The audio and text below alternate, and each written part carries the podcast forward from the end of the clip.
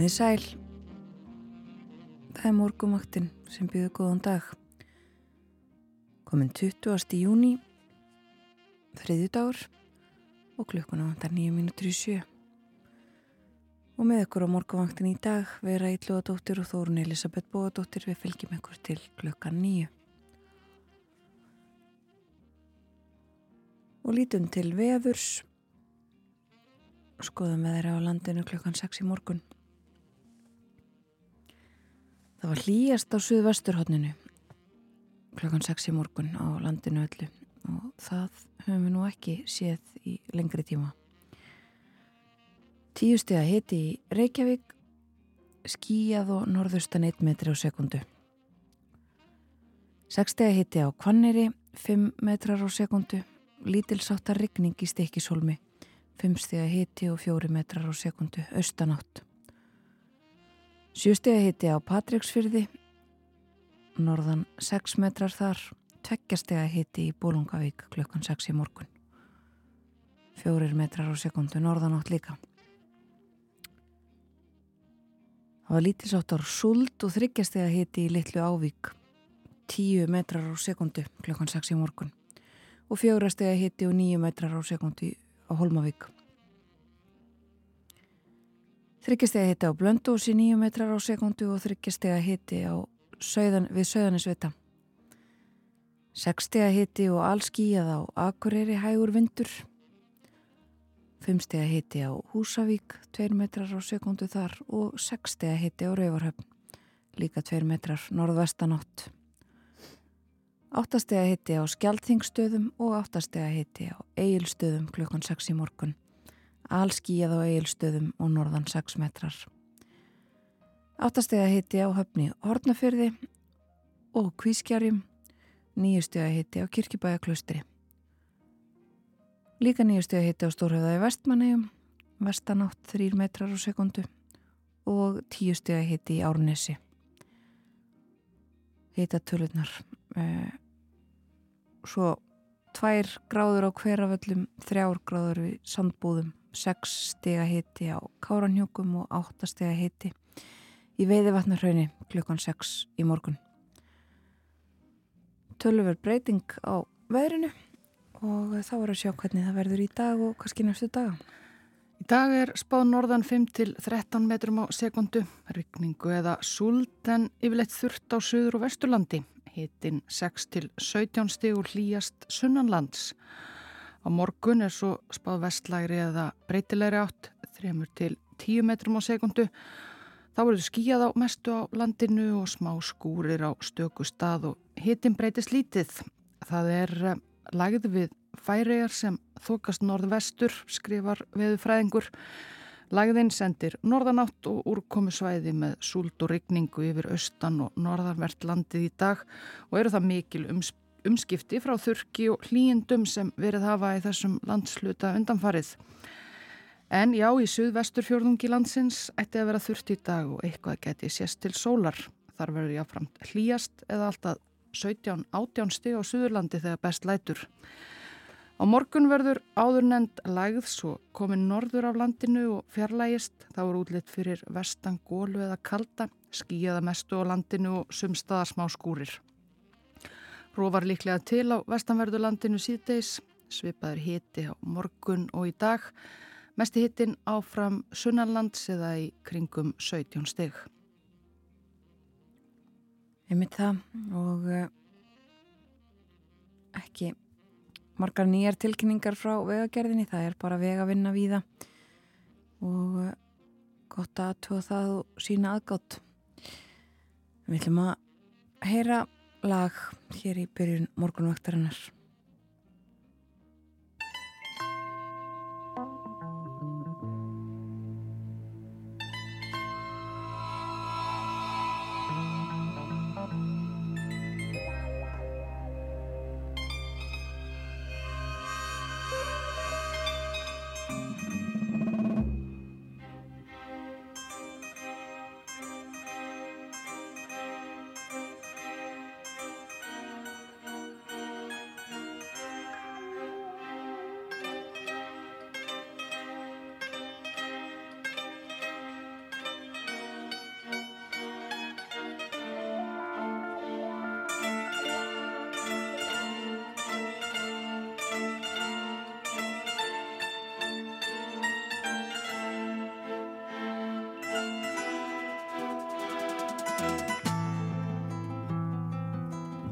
Se n'è andato Elmer che di febbre si lasciò morire? Dove Herman bruciato in miniera? Dove sono Bert e Tom, il primo ucciso in una rissa e l'altro che uscì già morto di galera? E cosa ne sarà di Charlie che cadde mentre lavorava e dal ponte volò, volò sulla strada?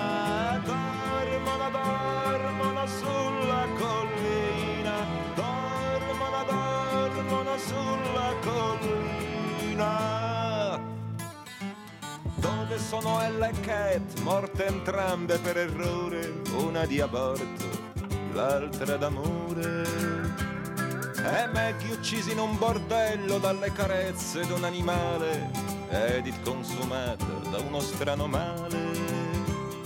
E Lizzie che inseguì la vita lontano e dall'Inghilterra fu riportata in questo palmo di terra.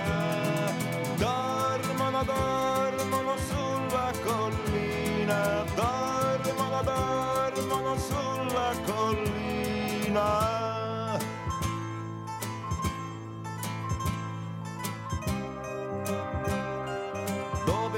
generali che si fregiarono nelle battaglie con cimiteri di croci sul petto.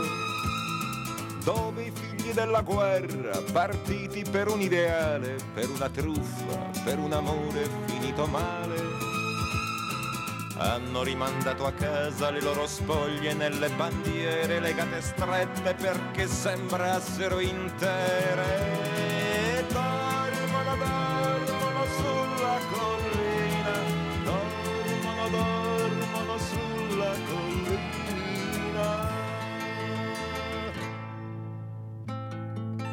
Dove Jones il suonatore che fu sorpreso dai suoi 90 anni e con la vita avrebbe ancora giocato.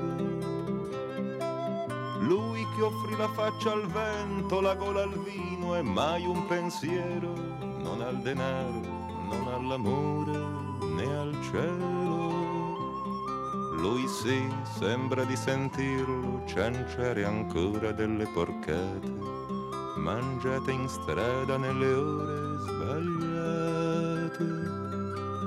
Sembra di sentirlo ancora dire al mercante di liquore, tu che lo vendi, cosa ti compri di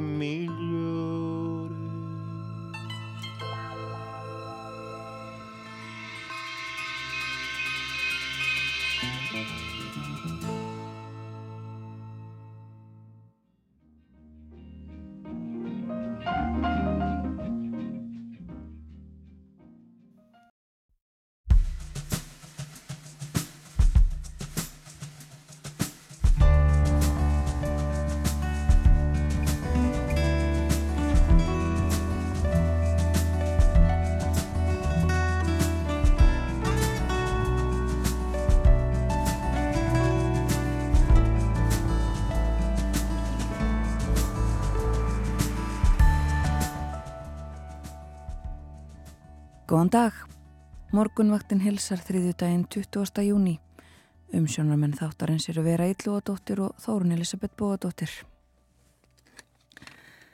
Helvítis fokking fokk. Þessi frasi varð vinsætlu upp úr hruni og heyrist enn við Ímis tilefni. Íslandingar eru hrifnir af þessu ennska blótsirði fokk og nota það óspart í Ímsum myndum og merkingum. En saga orðsins fokk er lengri en við flest áttum okkur á. Sögnin að fokka geti hafa borist í Íslenskt mál undir lok 16. aldar en þá í nokkuð annar í merkingu. Veturliði Óskarsson, professor í Íslensku við Uppsala háskóla, rekur sögu orðana að fokka og fokk í grein í nýjasta tölublaði tímarits árnastofnunar orð og tunga sem helgað er blótsyrðum. Veturliði verður línunni frá Svítjóð og við ræðum fokk vitt og breytt upp úr hálf átta. Á þessum árstíma gista yðurlega um þúsund manns í skaftafelli á hverri nóttu og því til viðbútar eru fjölmarkir aðrir gististaðir í örafum. Neiðar viðbrað á svæðinu er í engu samræmi við þetta. Bæjastjórn Hortnaferðar hefur líst yfir miklum áhyggjum sínum af öryggismálum bæði íbúa og ferðamanna í sveitafélaginu og vill að stjórnvöld bregðist við. Sigurjón Andresson, bæjarstjóri Hotnafjörðar, verður með okkur í síðasta hlutu þáttarins. Við ræðum um ferðamenn en líka ímislegt annað sem um er að vera á svæðinu. Artur Björgvin Bodlasson verður á sínum staðaloknum morgun fréttum klukkan átta. Hann segir okkur meðal annars frá olimpíumóti Fatlaðra sem nú stendur yfir í Berlín. Þar er 30 mannahópur frá Íslandi. Hann segir líka frá blómlegu íslensku listalífi í Berlín og af vandræðum þýsku ríkistjórnarinnar. Svona verður morgunvaktin í dag. Við eh, skoðum líka blöðin, innlend og erlend. Spilum einhverja tónlist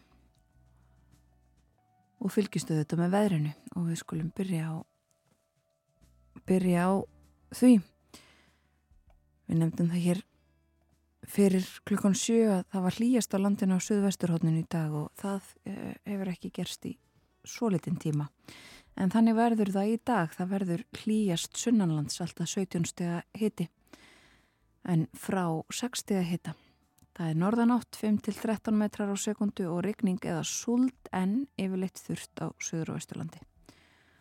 Á morgun snýst í vestlega eða breytilega átt 3-10 metrar á sekundu verður skíjaða mestu á landinu og smá skúrir á stökustað og hitin breytist lítið. Það er uh, svo fremur hæg breytilega átt í kortunum fyrir fymtudag, bjart með köplum og yfirleitt þurft vaksandi suðaustanátt og þyknar upp með rigningu sunnanlands um kvöldið og hitin söpaður 9-16 stygg. Og svo suðaustanátt og suldið regning í kortunum á förstudag og lögadag hitið 10-15 stygg. En þá uh, hefur þetta breyst aftur og verður úrkomi lítið og bjart á köplum á norður og norðausturlandi með hita 20 stíðum þar. Svona er þetta næstu daga og verður. En uh, það er ekki veðurmynd á fórsíðun og morgunblæðinu Nei, aldrei þessu vant. Uh, það er mynd sem tekin er innan hús nánar tiltekið í dómsmálaráðunitinu það er Jón Gunnarsson sem afhendir Guðrúnu Hafsteinsdóttur nýskipuðum dómsmálar á þeirra liklana að ráðunitinu með formlegum hætti. Og þau sjást þarna tvö uh, faðmast umvafin blómum og, og uh, fínir í á þessari sögulegu stund eins og uh, sagt er í fyrirsögn uh, morgunblæðsins stólaskiptin bara upp á kvænrættindadægin uh, eins og uh, fjallað var um í gær og skipti Jóns og Guðrunar söguleg. Því fyrsta sinn í sögu sjálfstæðisflokksins eru konur fleiri en karlar í ráþæra liði flokksins eins og eh, stendur hér í myndateksta morgunblasins og eh, kynja hlutföll jöfn í ríkistjórninni en það var þau síðast eh, í ríkistjórn árið 2009. Það er síðan meira rætt við Jón Gunnarsson á forsýðu morgunblasins, hann er í viðtali í, í dagmálum þættinum á mbl.is og Annars er eh, einn eh, önnur fórsýði frétt morgunblæðsins portugalski landsleismæðurinn Cristiano Ronaldo. Tilvittnan er í hann af eh, bladamannafundi í gær en Portugal og Ísland keppa í knastbyrnu í kvöld. Leikur hefst 1845 í kvöld Ísland, Portugal og Ronaldo í byrjunarliði Portugal. Þetta verður 200. Eh, landsýðisleikur portugalsku stjörnunar og hann saðist á þessum bladamannu fundi í gær vera spentur fyrir leiknum og eh, vonastu þetta til þess að skora í sínum 200. landsleik. En fullir þeirra hann eldi sjálfur ekki metin, þau elda mig. Rætt við Ronaldo. Já tilvitnanir í hann á Forsið morgunblassis í dag þessi leikur já, klukkan, eh, hefst klukkan 18.45 í kvöld. Einmitt og er í beitni útsendingu á Viaplay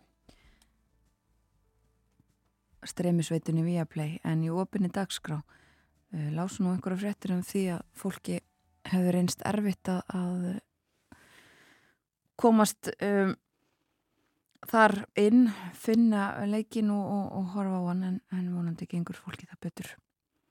Í kvöld og búið að leysa úr einhverjum vandamálum. Ísland og Portugal hafa mæst fimm sinnum í aðlandsliðum kalla. Portugal hefur unni fjóru sinnum og einu sinni gerðu liðin í aptefli það var uh, í fyrsta leiknum á Evropamótunu í Fraklandi 2016 Sætla minninga fyrir uh, fjölmarka knaðspötnu aðdáðandur þá jafnaði Birgir Bjarnason metin fyrir Ísland. Hann er í hópnum í kvöld sem mæ, mætir Portugal um, Íslenska liðinu ekki gengið sérstaklega vel. Er með þrjú stig í reyðlunum þetta er undankefni fyrir uh, Evropamót Portugalar hins var með fullt hússtiga og engum tekist að skora hjá þeim. Þeir eru með markatöluna 13-0 en uh, við skulum líta á frettir utan úr heimi eftir smá stund uh, ekki að heyra fyrst eina, eitt lag Jú, við skulum heyra söngkonuna Fatumata Diawara frá Mali. So why, I, so why, so why, so why,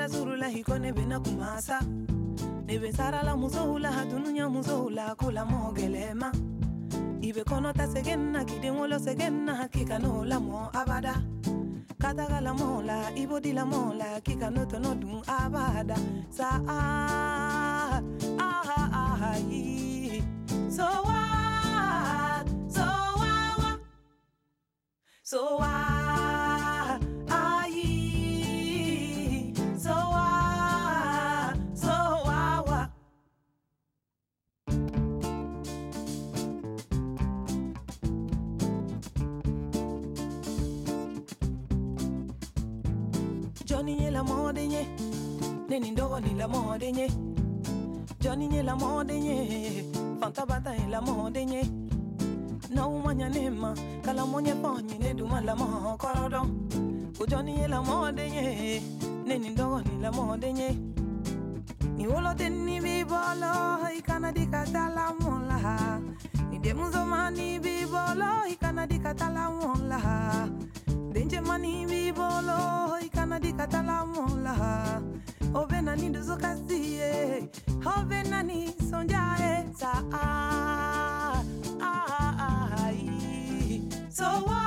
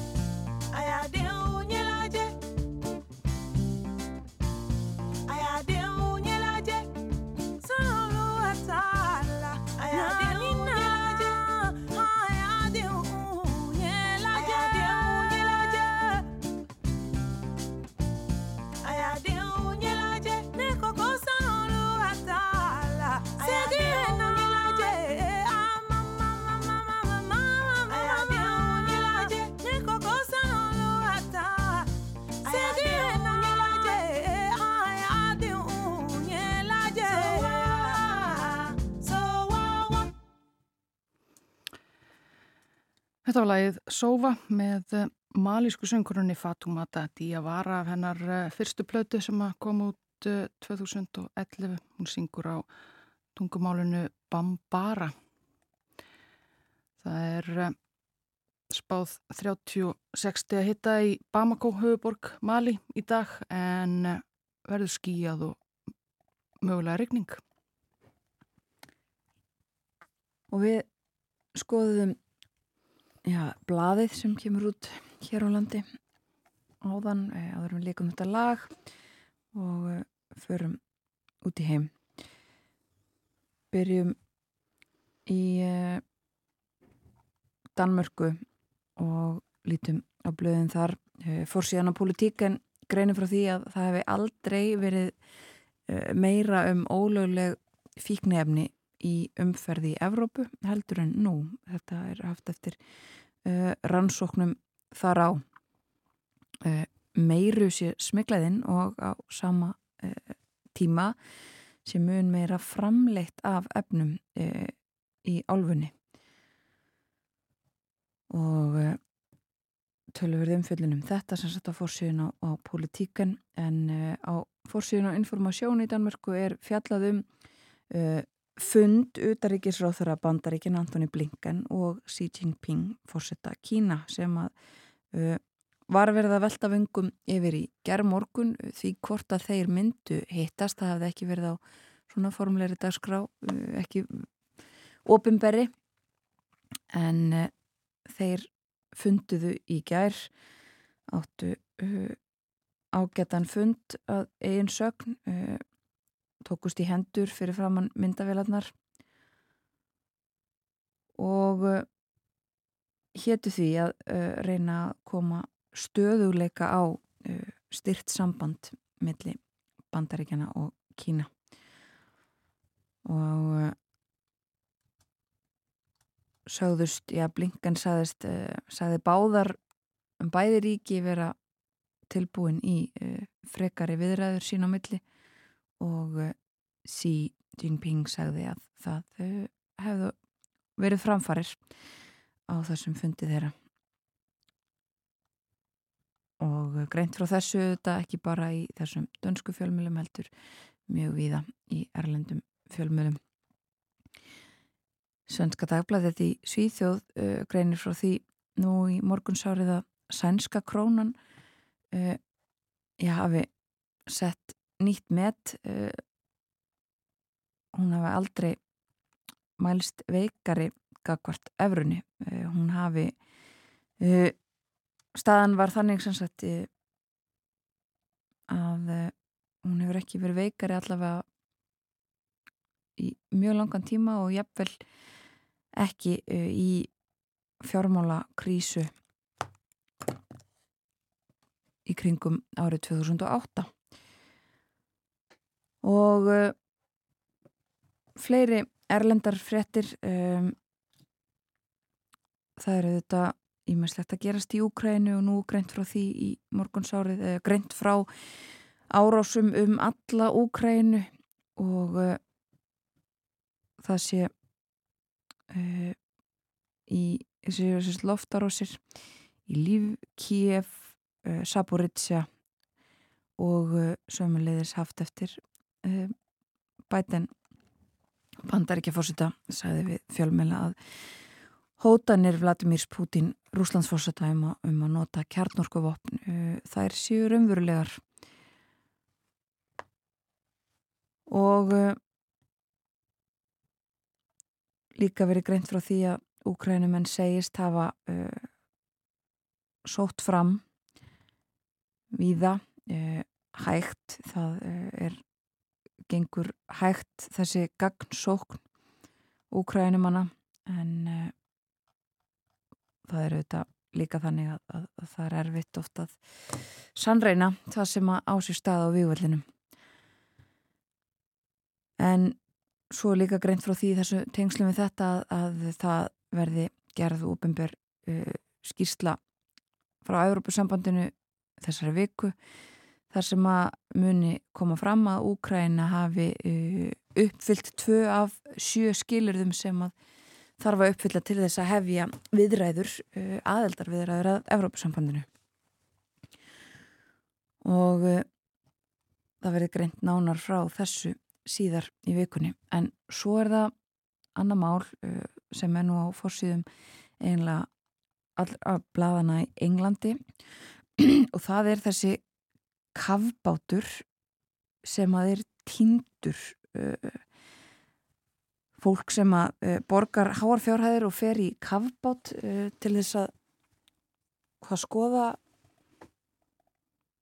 sjáabotnin og, og Titanic vera. Þú hefur lesið svolítið um þetta óhugnarlega mál. Já, virkilega uh, undarlegt og óhugnarlegt uh, mál. Þetta er sem sé lítill uh, kábátur, djúpsæfis uh, kábátur sem er rekin og í eigu enga fyrirtækis sem að í um tvö ár hefur bóðið upp á skipulegar ferðir niður á 3800 metra dýpi eða svo þar sem að flag uh, skipsins fræga uh, Titanic er að finna og hægt sem sé að berja það augum um borði þessum kábáti. Og fyrir þetta uh, borga ferðalangar 250.000 dollara fyrir miðan, það er eitthvað 34 miljónir íslenskra króna fyrir nokkura klukkustunda ferð í þessum kapáti þangað niður. Og það eru fimm uh, manns um borð í kapátinum núna eða voru í þessari síðustu ferð. Og þar á meðal já er breskur kaupsíslu maður Heimis Harding sem að þekktur er fyrir að, að, að fara í slíkar ferðir, hefur áður, áður farið út í geim sem túristi og fleira og fleira.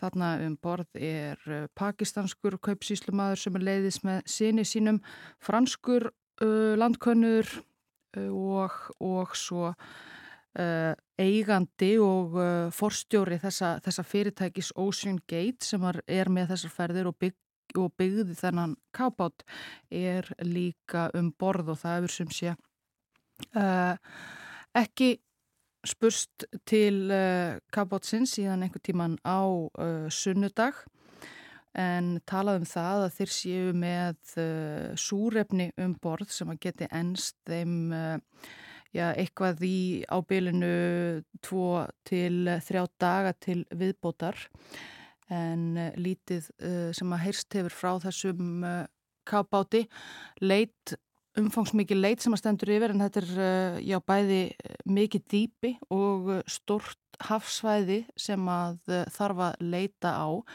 Ef að kábátin hefur rekið eitthvað frá sjálfu flaginu þá geti hann nú þegar hafa borist 20 kílometra með hafströmmum eitthvað.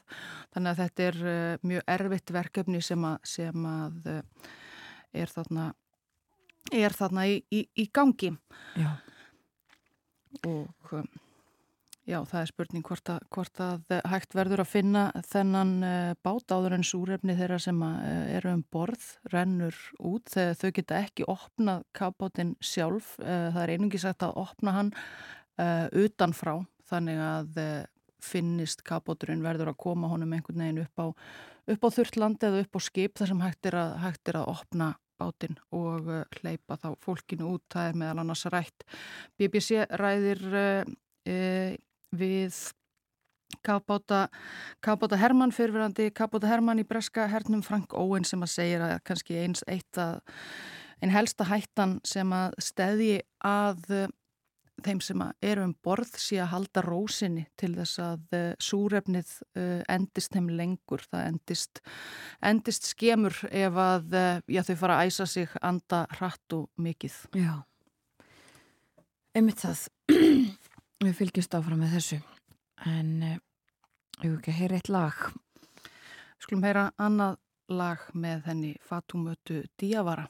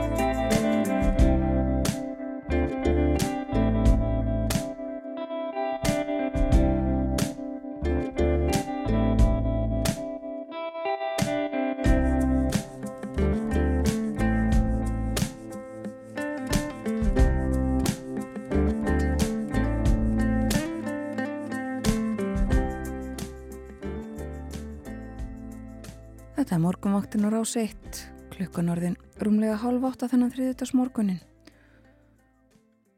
Og uh, við lítum aðeins til veðurs. Það er lægð við færiðar sem þokast norðvestur og hún sendir norðanátt og úrkomusvæði með súld og regningu yfir austan og norðanvert landið í dag. Og eru það mikil umskipti frá þurki og hlýjendum sem verið hafa í þessum landslutum undanfarið. Í suðvesturfjörðungi landsins ætti að vera þurft í dag og eitthvað geti sérst í sólar. Þar verður ekki að front líjast eða alltaf 17 til 18 stig á Suðurlandi þegar að best lætur. Á morgun verður áðunemt lægð komin norður af landinu og fjarlægist. Þá er útlitt fyrir vestan gólu eða kalda. Skíjaðað mestu á landinu öllu og sumstaðar smá skúrir. Rófar líklega til á vestanverðurlandinu síðdeis. Sveipaður hiti á morgun og í dag, mesti hitin áfram sunnanlands, kringum 17 stig.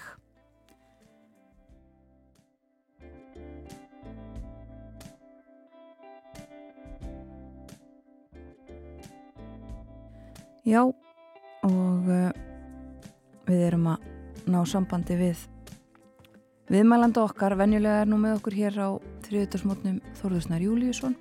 Hann er í fríi þessa vikuna og við ætlum að ræðum allt önnum mál heldur en efnahagsmál. Já, út er komið 2005. tölubla tímaritsins Orð og tunga. Það er reitt sem stofnun Orna Magnússonar í Íslenskum fræðum gefur út um mál og málfræði og um, það er hressilegt þema Orð og tungu í ár blótsirði.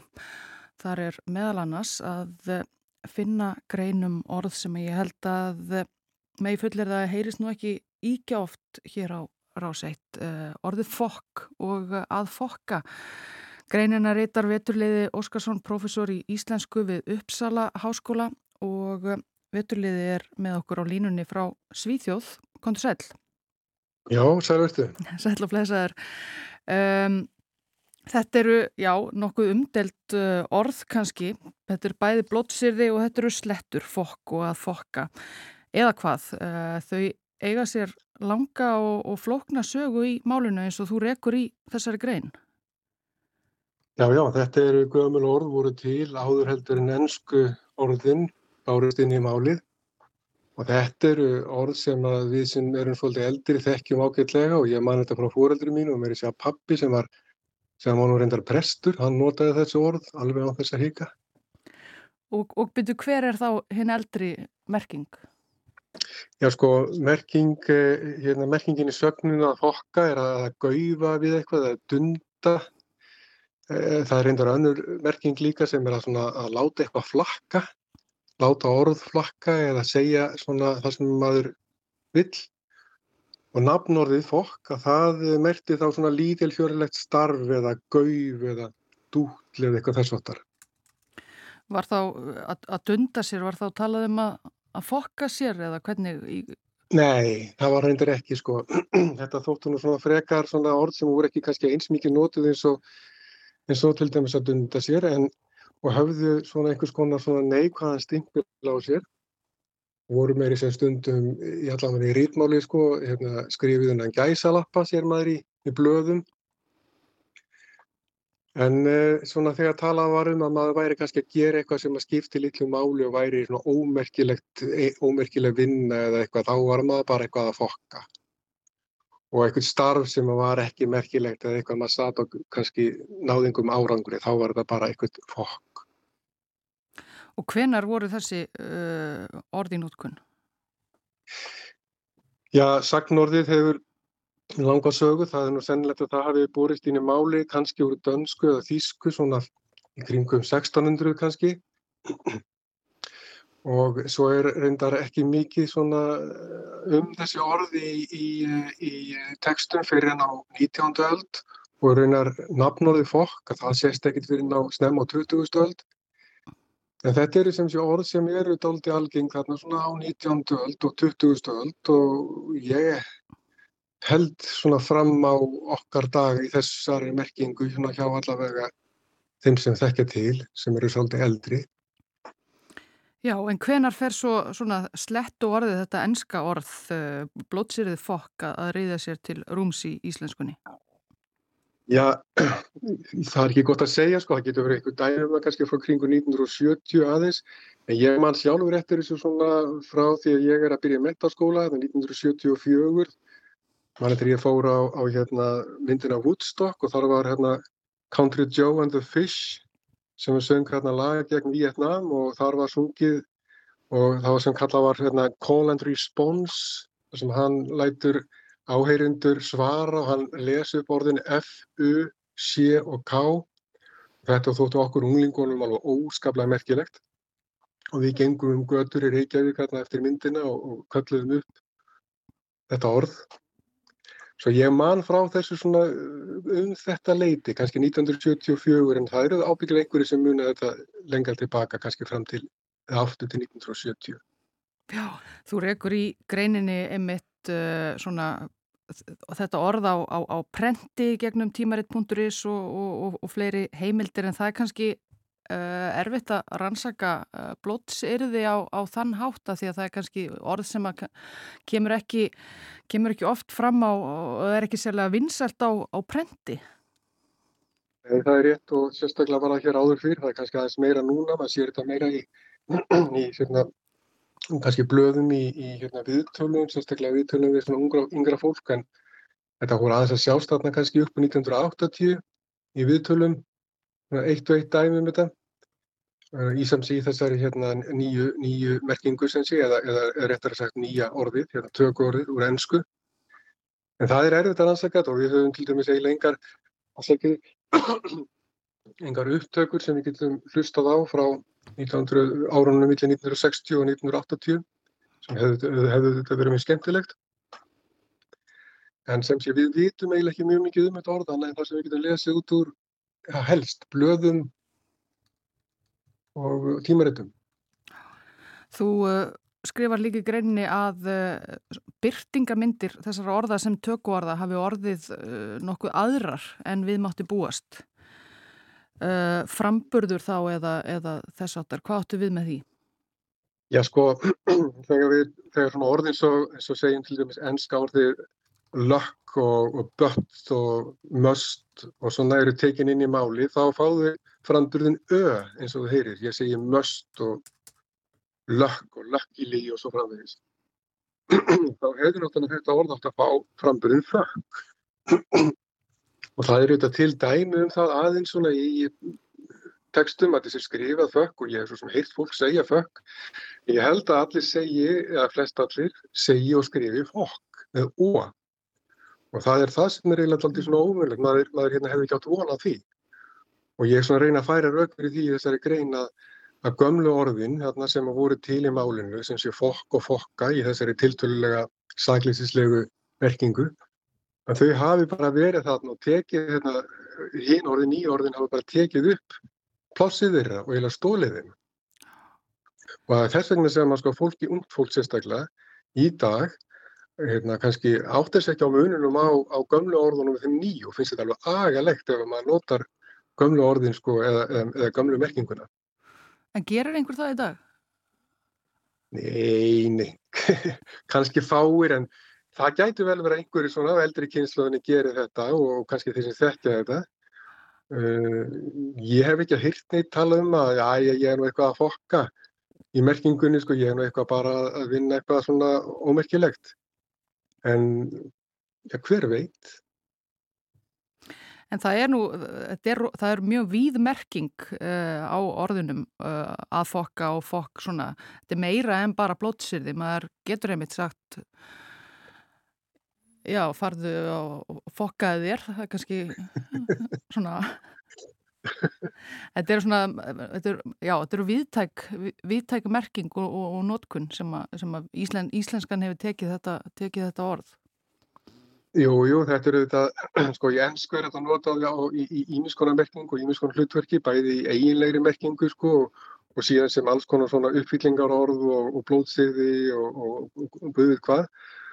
Og í íslenskunni hefum hef við tekið þetta upp líka, sko, og við notum, sko, erum með hérna þetta, hérna, alls konar, alls konar merkingu sem er beintfeikin úr, úr ennsku og fokking fokk og hvaða fokk og og hvernig ég fokkanum og hvernig ég fokkinu og svona alls konar samsetningar. Svo þetta er orð er komið inn í málið, komið til að vera. Já, það er ekki alveg, fólk er ekki alveg saman um hvernig á að beigja fokk. Það er talað um fokkan og fokkin og mismunandi kyn þarna og... Já, það sé nú ekki þannig að, að það sé kannski hafi orðið til í málinn einhvers konar einhvers, einhvers konar ný, eh, hérna, eða, já, hvað er ég að segja, ný orð sem væri þá nafnuði fokki og þá segir maður hvað í fokkanum eða einhver þess að þar. Ég veit nú ekki hvort að fólk notar orðið nokkuð tíman öðruvísi heldur en þá í þessu þáufalli þarna, hvað í fokkanum. Ég er svo sem heyri þetta ekki mikið sjálfur en mér er sagt að þetta sé svolítið mikið notað. Mm. Og svo er þetta hitt sko að segja hvað í fokkinu, það væri svona sumuleiti allavega í mínum, mínum eirum doldi eðlilegra þess að þetta væri þá í kórukinu, e, það e, fokkið og hvað í fokkinu. En það er allavega margt þarna að gerast sko og ímiskonar hérna, nýjungar á ferð. Einmitt það. Já, þetta, þetta er orð sem að nýtu vinsalda í íslensku máli maður uh, heyrir líka danir þeir eru hrifnir af, af þessu orði en, en nú ert þú sjálfur í svíþjóð uh, eru svíjar er þetta jafn fyrirferða mikið í sænsku? Já, ég held þetta sé nú orði fyrirferða mikið í flestum, flestum hérna, málum, jafnvel í, í málum langt, langt fyrir utan Európu ég tók þátt í fyrir nokkrum árum að skrifa grein um þetta og þá var meðal þess að rættum þetta í, í, í málum í Eþjópíu, Indlandi og víðar og þetta er komið sem sé út um allt. Þetta er eitt ásamt orðinu, ásamt ok, er þetta kannski eitt eh, víðförulasta eh, hérna, tökuord sem að, eh, um, um getur. En hér í Svíþó, jú, þetta er notað, ég heyrim þetta ekki eins mikið notað, finnst mér eins og í íslensku, mér finnst þetta notað alveg gríðarlega mikið þegar ég er á Íslandi og hlusta á sérstaklega yngra fólk. En jú, þetta er notað hér. Þannig að þú hefur, þú hefur lengi stundar ansóknir á þessu orði eða hvað?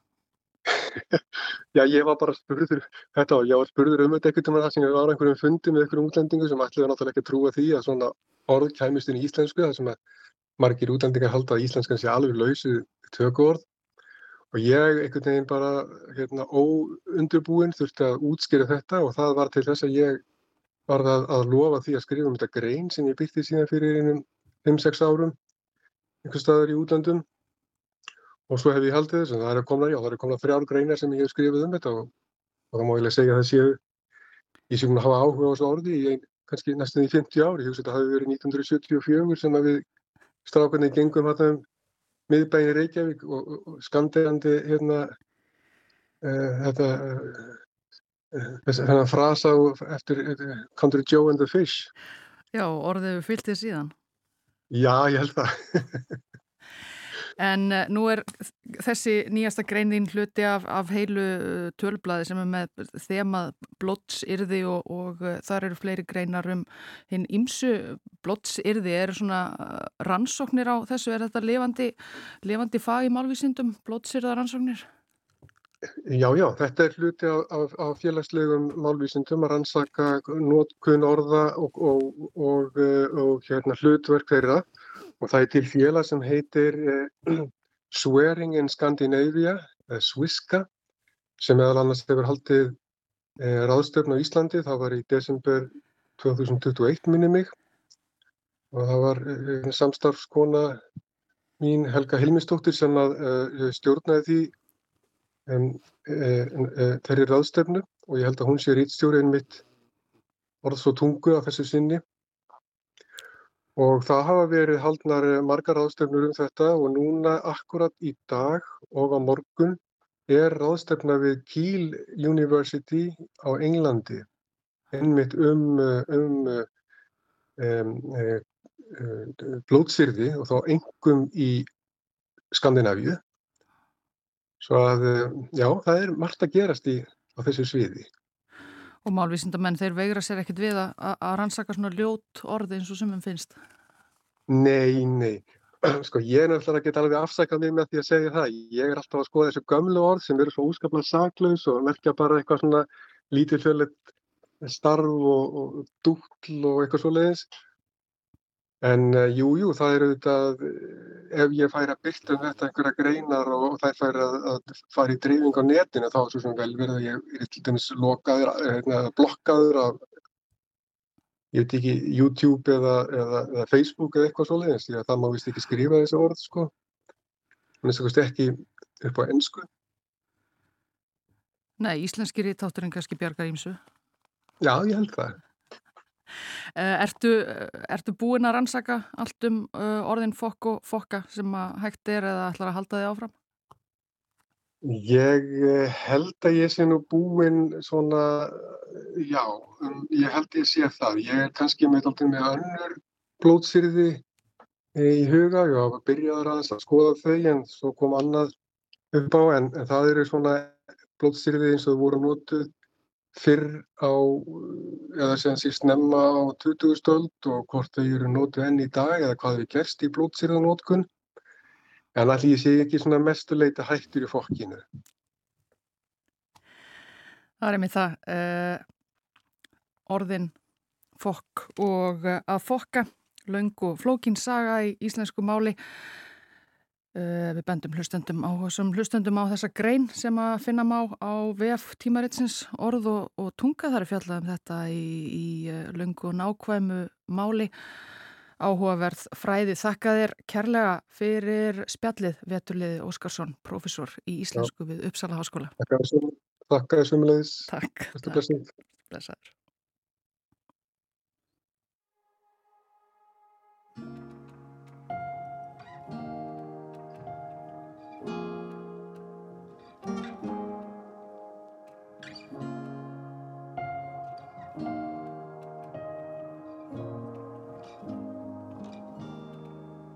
Ég er með hólur í höstnum Munn sem segir þér frá. Ég er með augur sem leka. Tár sem fullir af þrá. Og þú heldur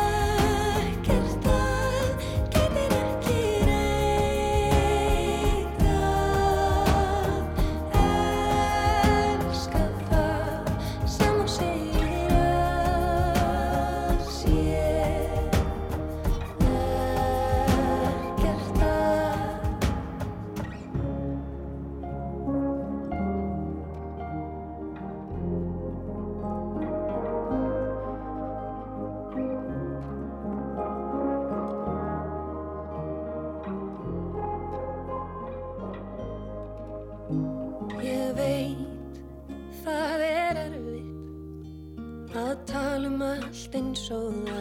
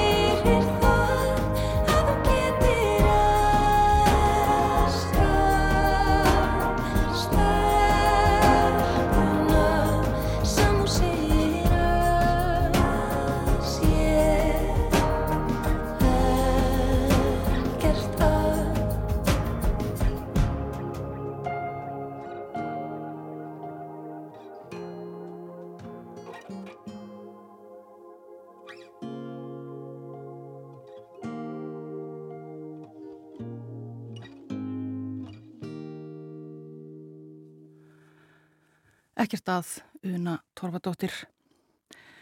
Við vorum áðan að ræða við Veturliða Óskarsson, hann er professor í íslensku við Uppsala háskóla og skrifar um orðin fokk og fokka í nýri grein í orð og tungu tímaritinu orð og tungu sem að er nýlega komið út og þar eru fleiri greinar um blótsyrði.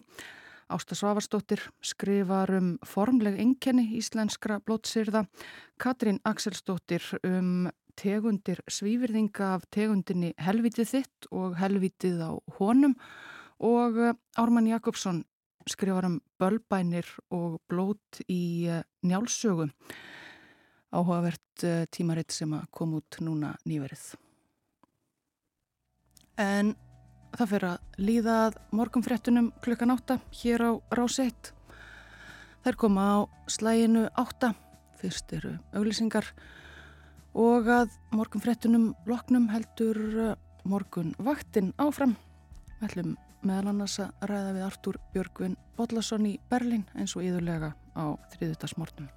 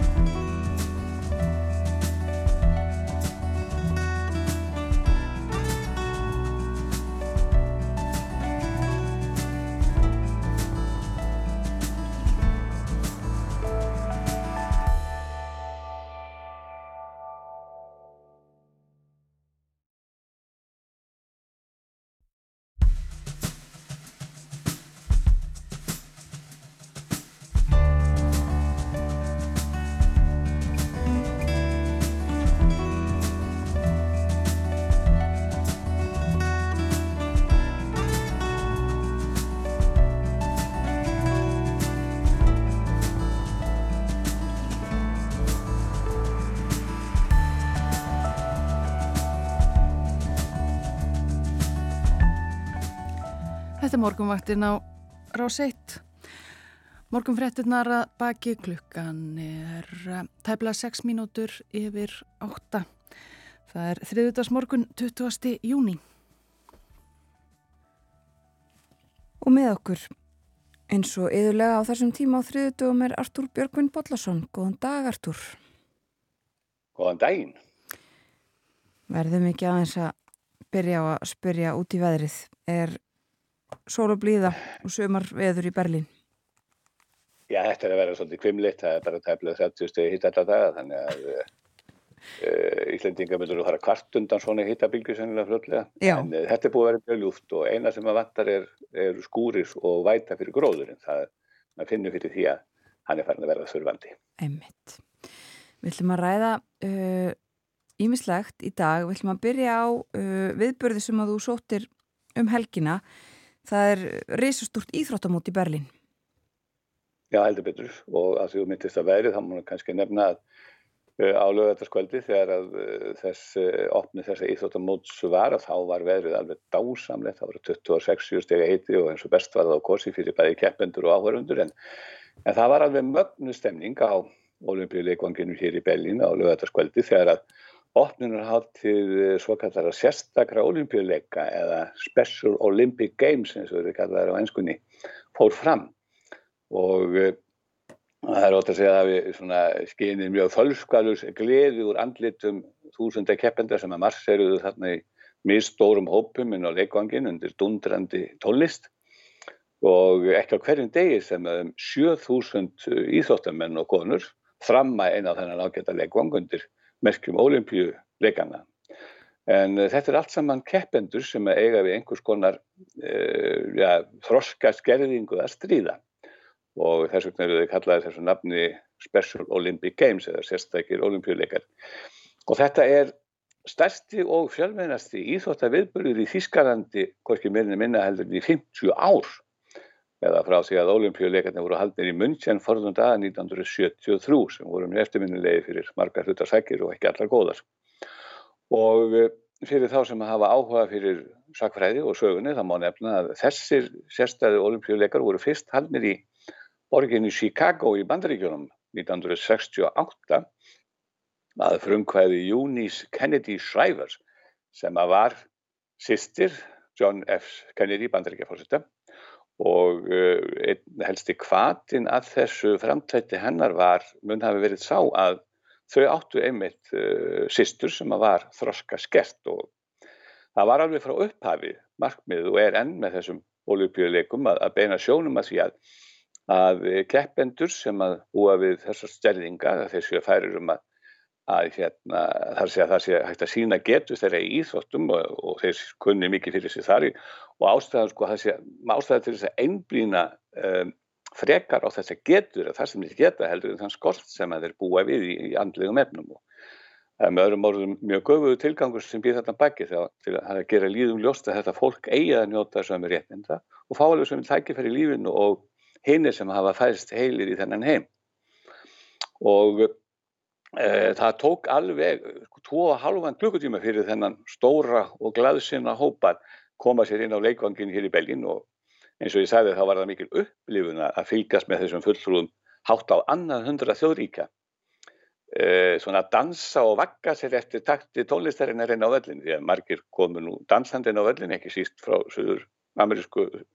uh, Suður-Ameríku og mörgur löndu sem að, og Jamaica og löndu þess að dansin er, er mjög þekkt og þjóðleitt fyrirbæri og það var alveg sko magna líka skinja hvaða mikil eftirvending, spenna og gleði sem að auðvitað ríkt í, hópnum og, og þó að Íslendinga værum ekki mjög margir í, í hópi þeirra 50.000 áhörvendar sem voru mættir á völlin til að fylgjast með opninni þá máttu nú enga síður sjá þó nokkur fjölda íslenska fána bröðuð á loft þegar að 30 keppendur frá okkar landi eh, fylgtust inn á, á völlin og ástæða var nú svo að starfsfólk Íslenska sendiráðsins í Bellin hefði hundið heimavinnuna sína og sér til þess að Íslendingahópurinn sem satt í áhörandastúkunum hann fengi nóg af fánum e, sem var hann kannski ekki illa til fundi vegna þess að þetta var ju á sjálfan þjóðatíðadag Íslendinga 17. júni og e, nú sem þetta eru keppendur að, að, að reyna fyrir sér í öllum mögulegum greinum íþóttarna í Rúmavík og á innum ymsu íþóttavöllum borgarinnar hér í Bellin og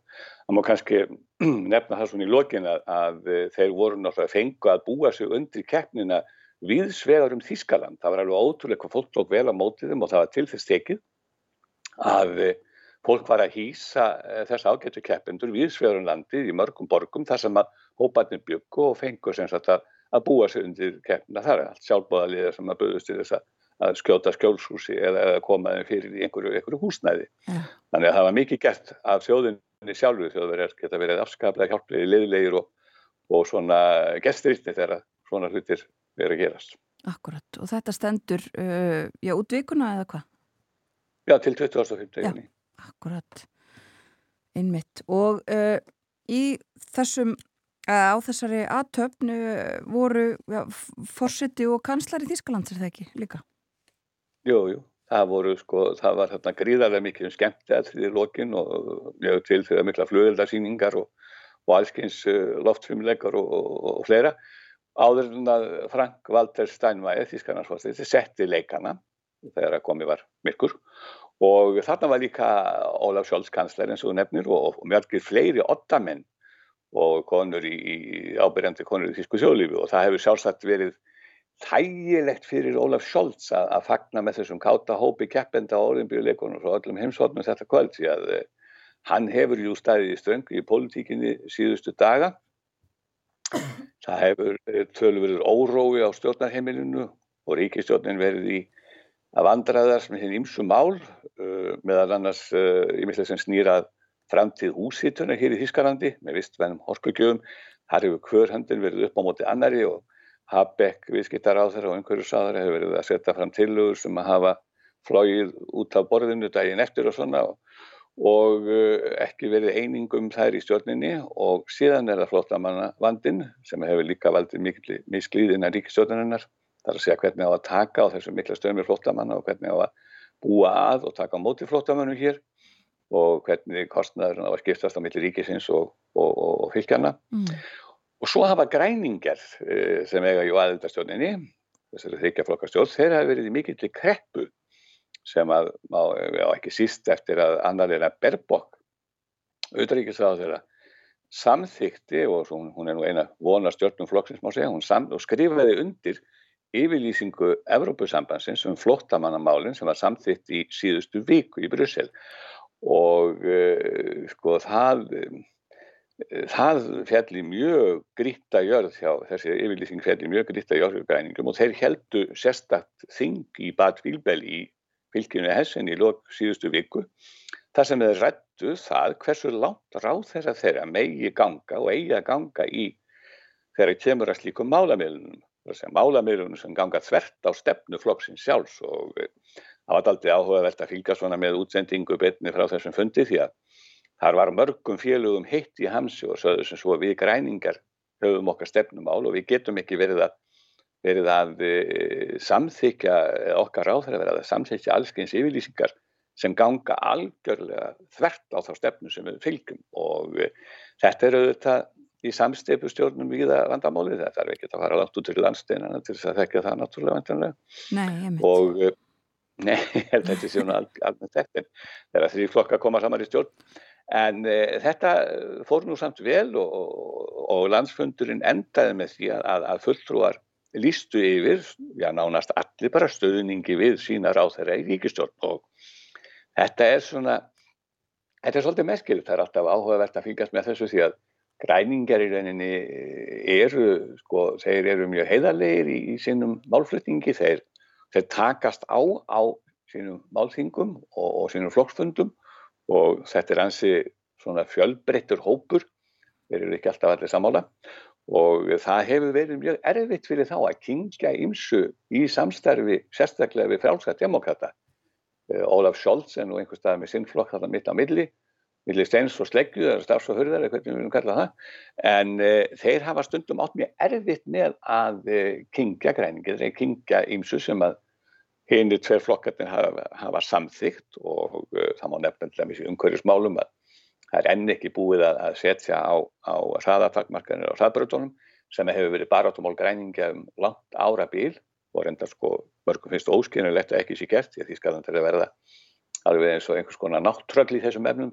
Um, á, það eru hraðatakmarkanir nánast um alla Evrópu og öllum hraðbröndum en nema í Þísklandi og held ég og, og þannig að þetta var svona, þetta voru mjög áhugaverð átök sem þetta áttur sér stað og hreinskilnislegu hispuslu skoðanskipti en þeir hafa svo samt sem áður, þeir sögðu bara á endanum og það er eflust sjónamið sem menn þekkja líka á Íslandi eins og víðar að gott og vel við komum ekki okkar stefnum álum alveg fram en við reynum að fara eins langt eins og við getum og meiri getum við ekki og það er skára að við síðan þó að reyna heldur en að láta heinum eftir stjórnina sem að ekki hafa áhuga á þessum málum sem við erum að tala um. Ég ætlum ekki að fara nárótt í þásálma en ég held að margir áttu sér nóði hvað ég er að segja. Já, akkurat, ég hugsa það. Eh, en við ætlum að síðustu Artur Björgvina að eh, ræða myndlist, listalífi í Berlín. Já, það er alltaf skemmtilegt að það er alveg ótrúlega mikil gróska í listarlífi og listsköpun Ístendinga hér í Bellin. Og Bellin er þetta mikil söðupottur nútíma lista og hér er gríðalega mikil af ungu fólki sem er að stíga sín fyrstu skref á sviði listarinnar, bæði í tónlist, myndlist og bókmentum og þetta er svona, það er mikil gerjun hérna í borginni, það er mikið af síningum, alveg gríðarlegu fjöldi síningarsala og uh, mjög margir sem að er að svona stíga sín fyrstu skref á, á, á þessari þyrnum stráðu listabraut. Og uh, það er óþart að nefna hér nöfn en þá náttúrulega verður að nefna Hildi Guðnardóttir sem er nú fremst með jafningi í tónlistinni þetta okkar eini Óskarsveðuna hafi og, og svo er líka hér starfandi eh, myndlistagalleri sem heitir Galleri Guðmundsdóttir og Guðni Guðmundsdóttir rekur af mikill rögg sem við hérna í miðborginni. Þetta er skamt frá Hakkis og Magt, þetta er alveg miðsvæðis í borginni og, og, og hérna þess vegna margir sem þarna koma og um helgina, hún, ég held að Guðni sé með svona 6-7 síningar á árið efnað og einn er að vera opnum um helgina. Þar opnaði Erla Haraldsdóttir síningu sem hún kallar Draum, móð, draumur, sem heitir Draumur móðuminnar þetta er ákvæmlega skemmtileg síning og efnið svo litið óvenjulegt því að í myndunum er að koma svona fyrir verur sem ekki eru alveg að þessum heimi. Það eru nú svo sem ekki ókunnuðar okkur Íslandingum eða sérstaklega ekki eldri kynsluðun og fyrir kynsluðun. En þetta er aldrei sérstaklega að sjá þessar verur á sveimi í myndum í miðri Belginaborg og e, ég sem sagt e, fór á síninguna, var við opnununa og gróaði Erlu Haraldsdóttur myndlistakonu og listakonuna sjálfa af út í hodni í síningarsalnum og, og það má nú heyra ef, ef við heyrum þetta spjall við hann eftir að það er fullt af fólki þarna fullt svona líflegt lífleg síningaropni í gangi. En ég, ég legg forvetna að vita meira um þessa síning og efni hennar og, og hana sjálfa og hvað hann var að gera uh, hún býr reynda má taka fram í Bellin og Jóhannesarborg Hún hefur lítið verið á Íslandi síðustu árin og ekki búið þar heldur bara skiptir á milli Þískarlands og, og Suður Afriku en, en ef ekki bara heyra hvað hún hafði að segja. Við skulum heyra í Erlu Haraldsdóttur e, listakonu og látum það e, ljúka spjall okkar í dag. Takk fyrir í dag Artur Björgun. Takk sem er leið. Erla Haraldsdóttir, segðu mér eins og þessari síning hérna í Galleri Guðmundsdóttir í Belgíu. Sko, síningin... Um, Sýningin er byggð á draumi sem langa, langa var minn dreymdi árið um, 1853 og þá var hún, hún var að fara að fermast. Og hérna dóttir hennar, sérstaklega langafa mín, uh, Þóranna, skrifaði draumi niður í dagbók. Og hérna og ég var að sína í, á Íslandi í listasafn um, Döðshúsi í Keflavík, listasafn Reykjanes, já. Og þá gaf frænka mér þessa dagbók sem sagt og með þessum draumum um, bæði hennar eigin draumum og líka sagt, draumum mömmu hennar. Og það kemur titillin draumurinn hennar mömmu.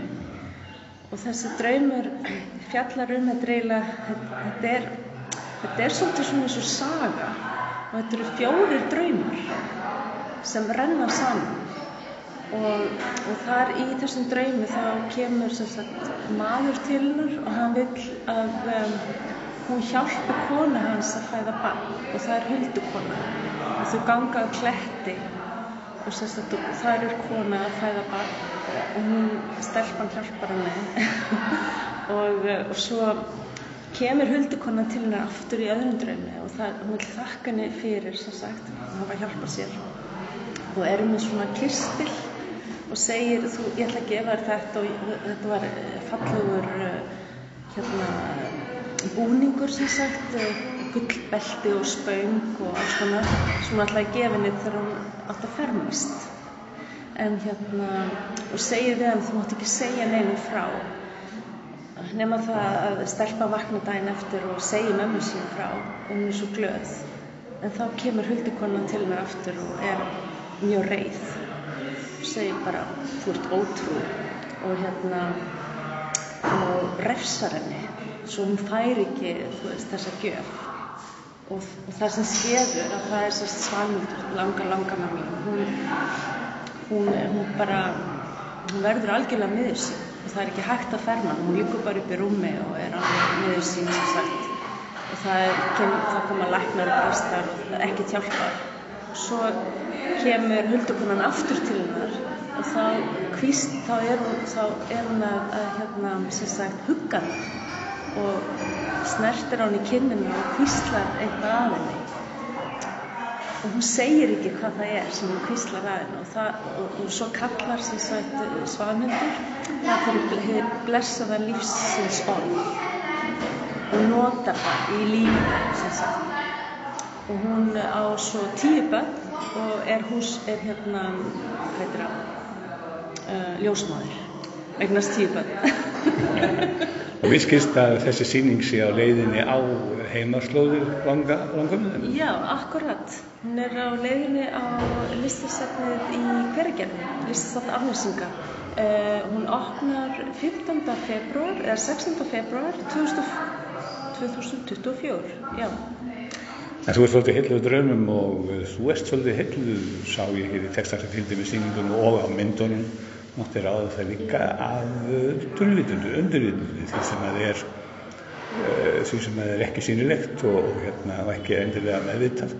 Og svo sá ég að vitna í Derrida og, og Ziggy Jung, já, já, sem er náttúrulega þekktið fyrir rannsóknir og, og það er á því sviði. Þetta er heimur sem heilur þig. Já, virkilega. Ég, sko, ég hef alltaf skrifað niður mína eigin drauma og kannski, þú veist, það var sjálfsögur hlutur á mínu heimili að, við morgumatsborðið að spyrja dreymdi þér eitthvað í nótt? Og svo fór maður að ræða drauminn og hérna þess að vera að gera eitthvað mikið úr því þannig, þetta var bara eitthvað sem við töluðum stundum um. Og svo var það sem sko þetta kemur svolítið úr fjölskyldunum minni að langafa mín svo sem sem sagt um, dóttur þessara svanhildar sem dreymdi þennan draum að hún var sko berðdreyminn en var ekki að tala um það en hún var það. Og um, ég held þetta hafi einhvern veginn þetta með undirmeðvitund uh, að vera skýn allt þetta þetta er svolítið verið vera einhvern veginn í Íslendingum án þess að það, þú veist, það er ekki beint verið að gera svo mikið úr því og mér finnst það svolítið cool. Finnst þið þessi verið svolítið vera að hverfa? Kanski, sko sko, það sem er að hverfa það sem ég vil á þess að ég sé beint svona, ég vil ekki beint vera einhver svona didactic með þessari síningu mmm, gjör svo vel að skrifa það niður drauma þína, það er ekki það sem sko, en, en það er svolítið að hverfa sko, við erum orðið svo rosalega miðið á vinstri heila hérna, the right brain, þú veist nei, left brain. Já, vinstri heila Já, einmitt, að alltaf, þú veist, alltaf að vera fyrir, fyrir sjálflegt, planað þú veist, maður, maður fyrir ekki út í neitt nýtt af því að maður veit ekki hvað kemur, þú veist kemur til með að geta að lifa á þessu eða whatever, þú veist. Þannig að þið óræða svolítið að hverfa Já, heit óræða og trúin á innsæið, trúin á, eða þú veist að fylgja your own gut feeling, fylgja innsæinu, það er svolítið, það er einhvern veginn ekki tekið ná mikið mark á því.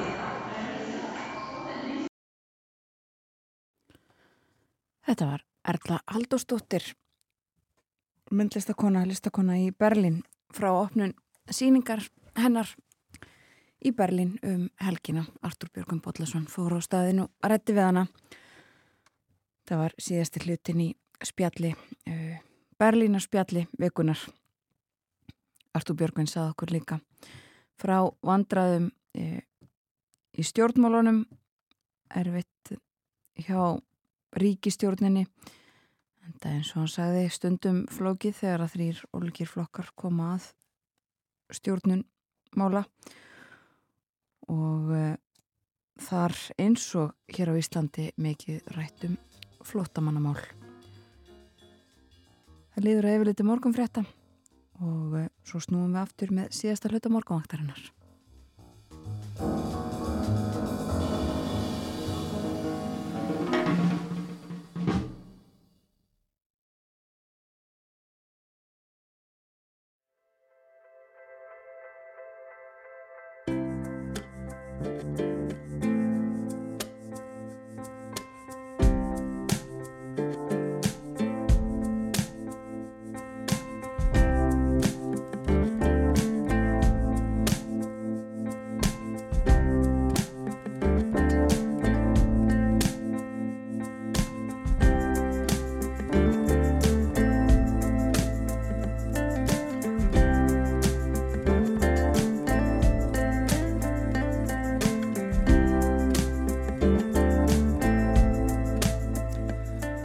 Að hlusta á morgunvaktina á rás 1 þennan þriðdagsmorgun 20. júni klukkanan orðin hálf nýju og eh, við verðum með ykkur fram að næsta frettatíma sem að hefst á slæginu nýjum.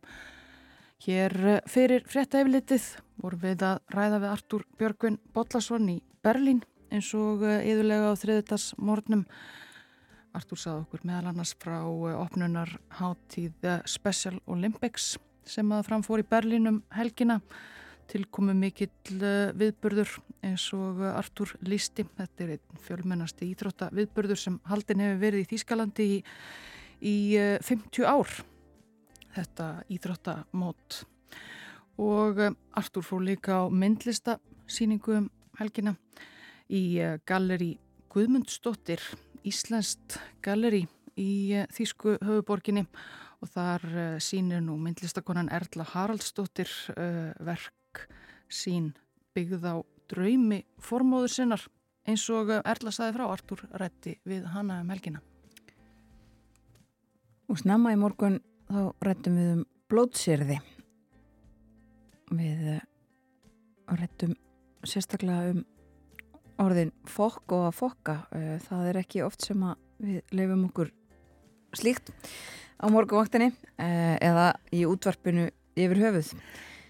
En eh, það gerðum við í morgun. Já, hlýtur að, hlýtur að vera leifilegt að gera slíkt í samræði við profesor í íslensku máli. Það var veturliði Óskarsson profesor við Uppsala háskóla sem að saði frá nýleri greinsinni um, um orðið fokk og að fokka já. og eh, já, þetta eru orð sem eiga sér svo langa sögu í íslensku máli eins og við ættum greindi frá að það eh, já, hlýtur að vera í góðu lægi að eh, segja þau í útvarpið, hann saði sjálfur frá því að hann þekkti til þess veturleiði að, að fadir hans sem var prestur hafi notað sognina að, að fokka já. við réttækifæri. Í annari merkingu en þeirri sem er algengus núna þó. En já, Ímislegt sem sagt verið á dagskrá morgunvaktarinnar þar sem afur mótni og það heldur þetta áfram í síðasta hluta þáttarins. Við ætlum að ræða þó önnur mál. Núna eh, komum hingað heim aftur frá Berlín og eh, förum til Hortnafjörðar. Þar eh, í símanum er Sigurjón Andresson, bæjarstjóri. Góðan dag. Góðan daginn. Við ætlum að ræða þessum Málefni hortnafjörðar næstu mínuturnar, við ætlum að byrja á því að uh, ég fyrir nokkrum dögum þá sendi bæjarstjórnin frá sér uh, yfirlýsingu álygtun um uh, öryggismál bæði íbúa og ferðamanna í sveitafélaginu og lístu yfir áhegjum sínum af stöðumála. Förum aðeins yfir, yfir bara stöðuna og, og hvers vegna á, af, af hverju áhegjunar stafa?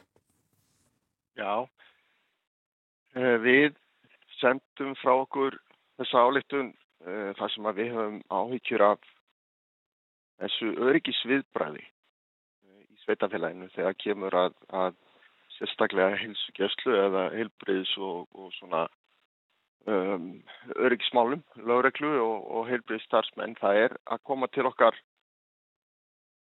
gríðalikt magt ferðarfólks og á hverjum degi er íbúafjöldin hér í hotnafyrði að markfaldast. Og það eru langa með að fara fyrir okkar viðbrasaðila þegar að óhöpp verða. Og við höfum einfallega ágjur á því að, að við séum uh, í raun og veru bara al, á alls ekki nægilega góðum stað þegar kemur að þessu. Við erum til að mynda með uh, sveitafélagið er svona 250 kilometrar um, á lengt, mjög svona viðfenn Þegar það verður slis eh, eða óhapp á einum stað og viðbrasaðlar eru sendir að, að þá er staðan bara þannig að við erum þá ítla eh, mönnuð til þess að taka á ykkur öðru.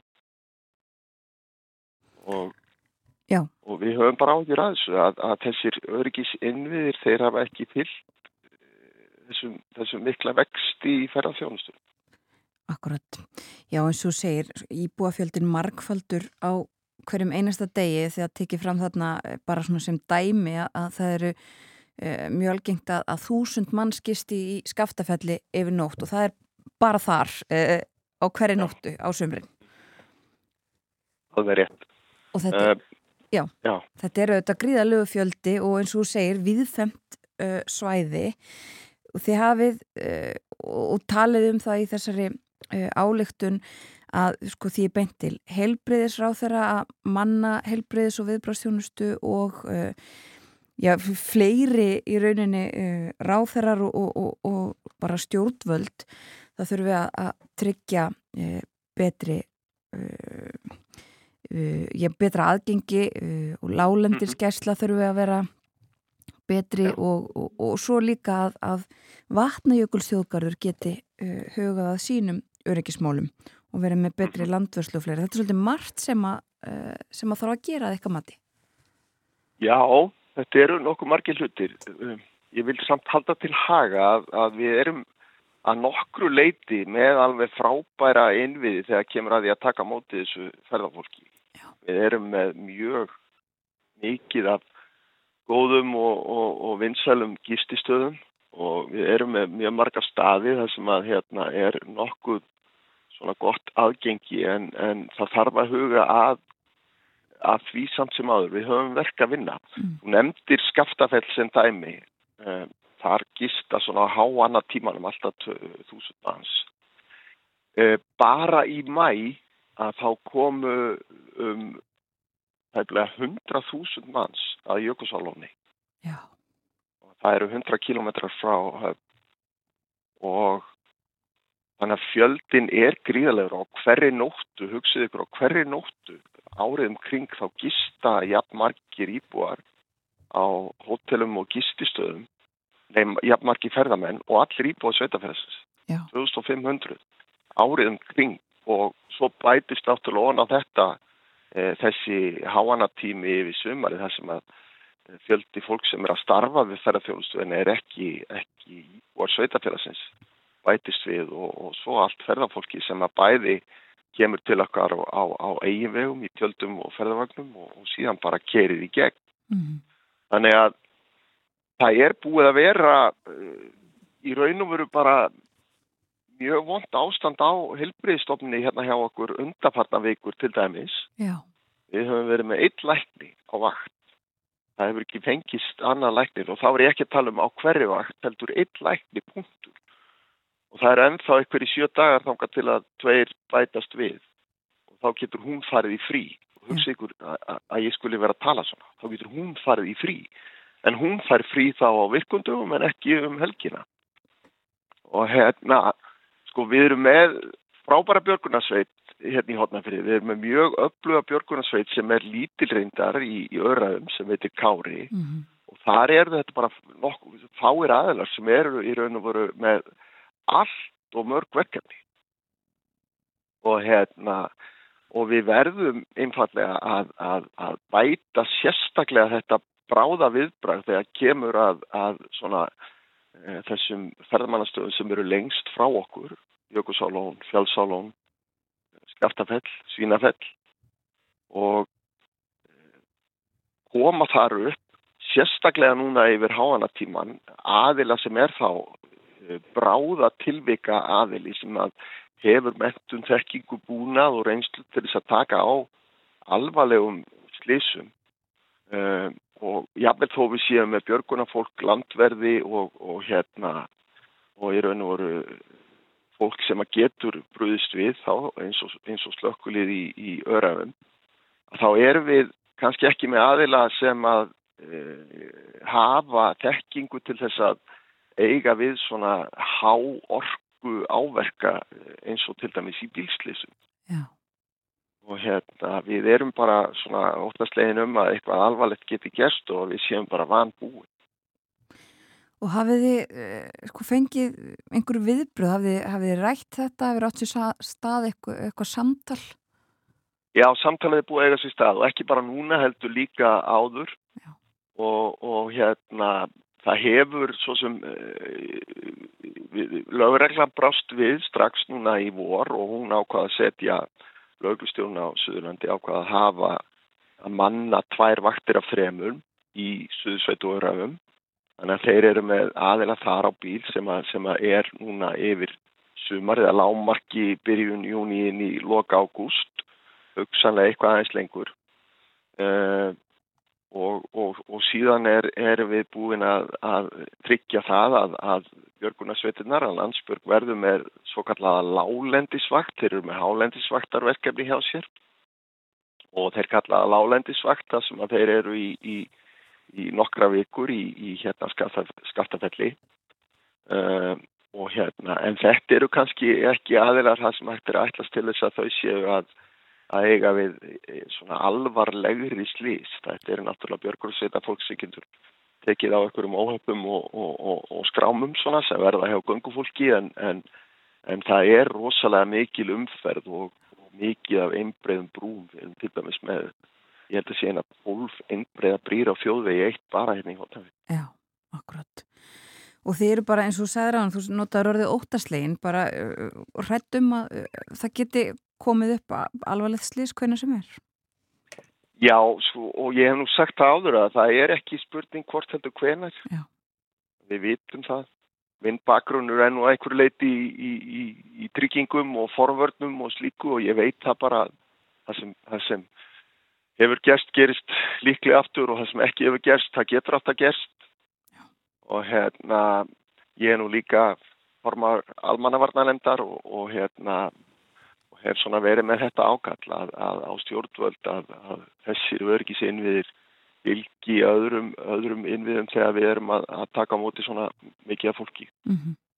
Og þú nefndir einmitt sko laurugluna og landhelgiskerslun, nei, eh, landsbyrgu sem að hafa bröðist við, en, en hvað með eh, já, stjórnvöld, hvað með ráþærarna til dæmis sem að þarna eru eh, beðnir um að bregðast við? Hefur eitthvað verið rætt við þá eða eitthvað heyrst frá þeim? Já, já, við erum búin að ræða við, við, við ráðverða og þingmenn og, og, og það er allir að vilja gerðir en nú er bara komið að því að, að við þurfum að, að taka ákvarðan, það er bara þannig og ég veit vel að, að það þarf að fjármagna þetta en, en, en, en þetta er verkefni sem bara verður að fara í og þetta kostar ekkit, ekkit þetta er ekki óvístígalegt, alls ekki.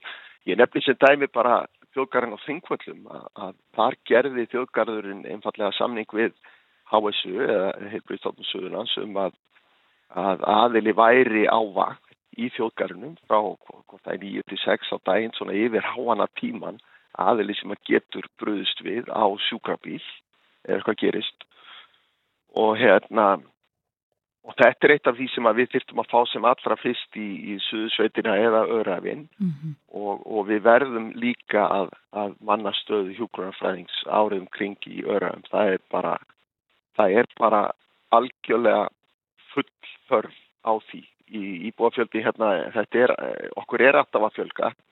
Og, og þó okkur fjölgi mikið þá, þá er, er okkur ekki að fjölga jafn mikið og, og, og ferðamanninum, hann er bara að sækja hérna til okkar í, í hérna mjög auknumæni og ég vil halda til að við erum, við erum að mörguleiti mjög vel búin að taka mótið þessu fólki, það er ekki það. Og við teljum okkur geta uh, bætt talsvört við okkur en það þarf átak, átak í þessu, það þarf líka átak í ymsum ferðamannavegum sem eru hérna er ítla við haldið og við erum að seipa mjög mikið að fólki inn á mjög lélega vegi til þess að skoða þessa náttúrperlur. Mm -hmm. Við þurfum stór átak þar og við þurfum að, að útrýma þessum einbreið brúm á, á þjóðvegi eitt og við þurfum bara að veikna lögjastlu og, og meiri aðtikli. Já þetta var það. Akkurat, þegar við vendanlega fagnat uh, áformum stjórnvalda einmitt um uh, það útrýma einbreyðu brúnum, og, og uh, svona, þessi samgönga áallin til næstu ára sem var kynnt á dögunum. Já, já, við fagnum því og hérna, en það er hins vegar þannig að ég, ég rækka augun í það að við erum ekki með brúna til dæmis í Víðjökulsálón á Breiðamörkursandi eh, nægilega framalega í forgámsöðu, hún er bara það var margir náttúrulega kyrkt þar yfir og maður veit aldrei hvort það er bíl að koma á mótið ekki vegna þess að hún er svona bógadrein mm -hmm. og hérna ég finnst stundum auðvitað á ég mjög gott og, og innihaldsfrygt samtala við að gera þennan um alls konar mál en, en og ég veit vel að, að hún myndi þykja meiri peninga til þess að geta gert hlutina betur en, en, en stundum finnst mér við vera með svona ekki næra mikið metna þegar kemur að eh, umframannvirkjum. fara svona halva leið, við erum að búa til vegi sem eru þeir eru hannaðir sko tvíbreyðir í báðar áttir en við setjum, við höfum þá 2 pluss 1 einhverju hluta vegna sem engi skilur Já. og hérna sjálfsagt bara eh, Excel skjalið sem að stýri því en, en, en ég finnst þurfa algjörlega stóra átaki í þessari uppbyggingu. Akkurat. Um, við ræðum þessi mál kannski aftur setna og sjáum hverju framvindur en, en Sigur Jón, við ætlum líka að tala um fleira sem er um að vera Já. og uh, það hófst í gær íbúakostning uh, um, um þéttingu byggðar á höfn og uh, það er þessi mikla uppbyggingir það ekki sem er áformið á, á nýjum miðbæ þar sem að þarna Jú, er undir. Nei, þetta er, Þetta er ekki það. Þetta er ekki það. Eh, Þetta er í raun og veru mál sem að ég kom til starfa hérna fyrir tæpa einu ári síðan. Já, og, og þá sko var búið að, að taka ákvörðun um eh, nokkra byggingareiti sem var þéttingbyggðar en, en, en það komu undirskriftir sem að knúðu fram þessa íbúakostningu já, sem er bara besta mál. Og, og hérna og þessar kostningar eru eh, að hefjast núna og þær eru svolítið merkilegar. Já, vegna þess að þetta er í fyrsta skipti að mér skilst eftir því sem að við vitum best. Fyrsta skipti í Íslandsögunni þar sem að eh, 16 ára og eldri hafa kostingar akkurat. og þetta er, er, er, er í raun og veru nýtt í, í kostingalögum og hérna og þannig að þetta er bara eh, svona áhugavert líka að því leiti sko en, en, en, en talandu nýja miðbæinn þá er það, það er málið bara á fullu í, í undirbúningi og, og, og, og þar er, er svæði undir sem að framkvæmtar aðelar hafa nú þegar á, á sinni kunnu og bærin stiður það bara Já, þétt. en þannig að það eru alls konar uh, uppbyggingar áform. Já, þau eru mjög mikil og við erum meðal annars núna mjög fljótlega að fara að kynna stórt nýtt íbúða, íbúða hverfi sem er í, í, í skipulagi hjá okkur. Já. Mjög stórt og flott sem er á vinstri hönd þegar þú kemur inn í bæinn hérna hérna. Og svo erum við að fá ný hótel. Við erum til dæmis að fá nýtt hótel í Suðsveit á Reynivöllum. Það sem að við erum að byggja hótel sem er svipar mjög til þess sem er að byggja á Hnappavöllum sem að margir hafa gist á. Það sem hún sér út í Ingólfsöða. Mm -hmm. Mjög fallegt hótel og þetta er svona uh, luxushótel. Og við erum vonandi líka að fá hérna baðlón hérna inn við jökul hjá okkur. Það sem að verður reist heljarinnar fjárfesting, það er ykkur 4-5 miljardar að minn skilst. Og það verður baðalón sem hefur mikla sérstuð, þess að það er staðsett eh, undir skriðjökli, það er mjög glæsilegt verkefni, þannig að það er ofbóðslega mikið á, á döfinni hjá okkur og mikil uppbygging bæði í þessu og síðan í sjáarútveinum eftir að við eh, svona yttum óvissunni um, um dýfkun að það er búið að eyða henni og þá á að fara í einhverja gjöra 5 miljardar króna fjárfestingu í uppsjávinslu hjá okkur. Þannig að manni verður eiginlega um og ó, sko, hvað þetta var það bara. já. Nógum að vera og, og, og hérna uh, svo líka uh, svona léttari eða kannski, já, það er stór samt mál, það eru hlutur eins og humarháttið og ég sá það, uh, það var nú ótengt því að við ætlum að spjalla saman en, en hún verður haldinn um næstu helgi. Hún verður haldur á næstu helgi og til mæti. Já, fáiði margt fólk til ykkar, eða vona mörgum. Já, já, já, það er alltaf, alltaf eitthvað fólki sem að mætir en mér fannst svona humarháttiði núna hjá okkur, hún er 30 ára. Mm -hmm. Humarinn er að vísu, við erum ekki að veiða humar, humar Nei. veiðar eru bannaðar en, en, en það er til humar og ég hef komið inn í fristikimslu hér í Hotnafyrði þar sem að voru bara okkur tonn af humri til, það er eh, hjá einum veitingastæðnum hérna, þannig að hérna það var að vísu danskur humar en, en ég er búin að prófa hann og hann er bara alveg jafngóður. Æja, Þannig að hátíðin verður mjög glæsileg um helgina og, og ég slakka mikið til en, en hérna ég kvíði líka dáliti fyrir hátíðinni. nú, Já, vegna þess að ég fekk áskorun hérna á Facebook sem bæjastjóri um að taka að mér að, að elda sagt humarsúpu fyrir hverfið mitt. Já. Þannig að ég tek að mér að elda humarsúpu onni í hotfyrringa og ég er eigamaður ekki hotfyrringur, sko. Ég hef reyndar róið á humarvertíð en, en, en, en ég veit ekki hvort að, að ég muni ná að slá í gegn með minni humarsúpu í hérna hverfinu. Það er svona það er smá svona fyrringur í maganum fyrir því hvort þetta falli í kramin. Já, akkurat og, og hef, kannski hörð samkjafni millir kvarfa og, og, þarf að standa sér vel í þessu.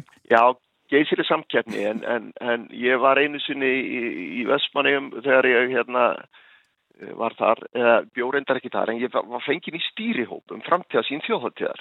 Já og við settumst neyður í þessu stýrihóp og, og við vorum með svona mjög, mjög metnaða fullar hugmyndir þar sem við ákvaðum að snúa sviðinu, byggja stórt svið og settum okkur markmiðum um mjög mikinn fjölda. Og svo fór ég á fundja á humarháttíða nefndu daginn og ég var nú bara svona mættið þanga með svona sama hugafarið, heimsi við ráðið að döiði og, og gera humarháttíða einhverju, einhverju svakalegu En þá var ég strax svar við það að, að hotfrika, þetta er mikil heima hátíð, þetta er fjölskyldu hátíð. Já. Og hérna, það er mjög mikil áhersla á í raun og voru söguna hérna og heimafólki þannig að það er ekki, ekki neitt svona, ef ég fæst letta, það er ekki neitt rempingur í okkur eins og kannski heima í eigum sko.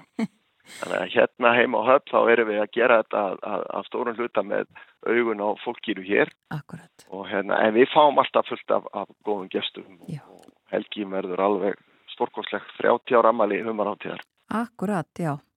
En já, þannig að þetta er þannig að við erum velkomnar en, en þetta er aðalega fyrir heimafólki og kannski brottflutta líka sem að koma til ykkar. Já, það er svolítið svolítið. Og svo ferðafólkið, það er alltaf bærin er fullur hérna, það er bara uppselt hjá okkur og, og, og, og það er líka ferðarfólki, við erum að stíla líkin af það en auðvitað eru allir velkominu og við fáum fjölda gesta, ég ekki, ekki, ekki taka því þannig. Nei, nei, nei. nei, nei. En það er fínt einmitt að hafa áhersluna á, á uh, heimafólkinu. Já, svolítið skemmtilegt. Já, en bara rétt í lokinu þú sagðir þetta, það er uppselt, er það þannig bara uh, í allt sumar hjá okkur, það er bara uppselt? Já, það er bara eh, engi gistingi ætlaði síðustu helgi, síðustu helgi eh, eða teimtafóruðra mínir komið hérna um síðustu helgi. Þau eru búa í Vestmannum og eru frá Vestmannum og hérna við vorum í, í, í, í Svínafelli hérna í á svona hátíð eh, sveitabarna sem hafðu verið í sveit í Örafum voru hitt ykkur á lögadaginn og það slóst í för með okkur hérna, hérna bróðir teimtapappa og hann ætlaði að reyna út í þessi gistingu og það var ekki ekki möguleiki, það er allt saman fullt. Það er bara, já, þrátt fyrir að vera með öll þessi 2500 sko giftirými sko. Já. Þannig að hérna, þetta er, þetta er, þetta er mikið en, en þetta er líka eitthvað sem eins og, eins og við byrjuðum á, sem við þurfum að, að hugsa heilstætt. Já. Og, og, og taka á þessu öllu og við getum alveg tekið á móti miklu fleirum og þetta mun þróast í þá átt. Það er alveg klart að ferðarþjónustan hérna á Íslandi mun vaksa. Við erum með, við tala til dæmis fyrir hótanferð, við erum bara með aðgengi að jöklinum eh, sem er bara án hliðstæði. Já. Og, og, og þetta mun vaksa, fólki mun fjölga, en við verðum að láta alla innviðina vaksa saman. Látum það vera loka orðin, komum aftur að þessu sem við byrjuðum á Sigurjón Andresson, bæjarstjóri Hótnafjörðar. Takk fyrir spjallið á morgunvaktin í dag. Sem leiðist, takk. Bless, bless. Bless. Og þetta var síðasta viðtalið á morgumáttinni þannan þriðutags morgun. Við höfum fyllt ykkur frá því snemma eh, vera Eilúadóttir og Þórun Elisabeth Bóadóttir. Gerum það aftur í fyrramálið. Þá eru meðal annars dönsk málefni á dagskráni og ímislegt fleira. En við þakkum samfélgina í dag. Verðið sæl.